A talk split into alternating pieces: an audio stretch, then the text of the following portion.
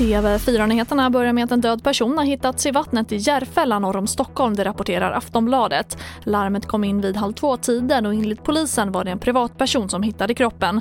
Polisen jobbar nu med att identifiera personen.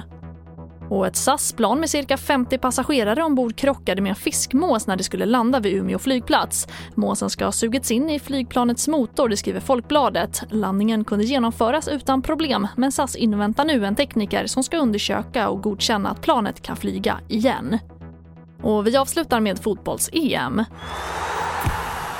För imorgon är det dags för Sveriges premiärmatch i EM och det blir en tuff öppningsmatch mot Spanien och så här säger Olof Lund från Fotbollskanalen om Sveriges chanser att ta poäng.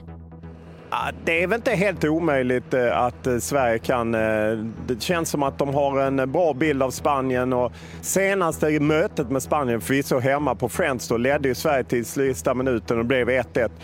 Dessförinnan spelade man ju en kvalmatch där man fick rätt mycket stryk, men det är lite ett annat Spanien och eh, jag tror faktiskt att, eh, att Sverige inte är helt körda. Och det får avsluta TV4-nyheterna. Jag heter Charlotte Hemgren.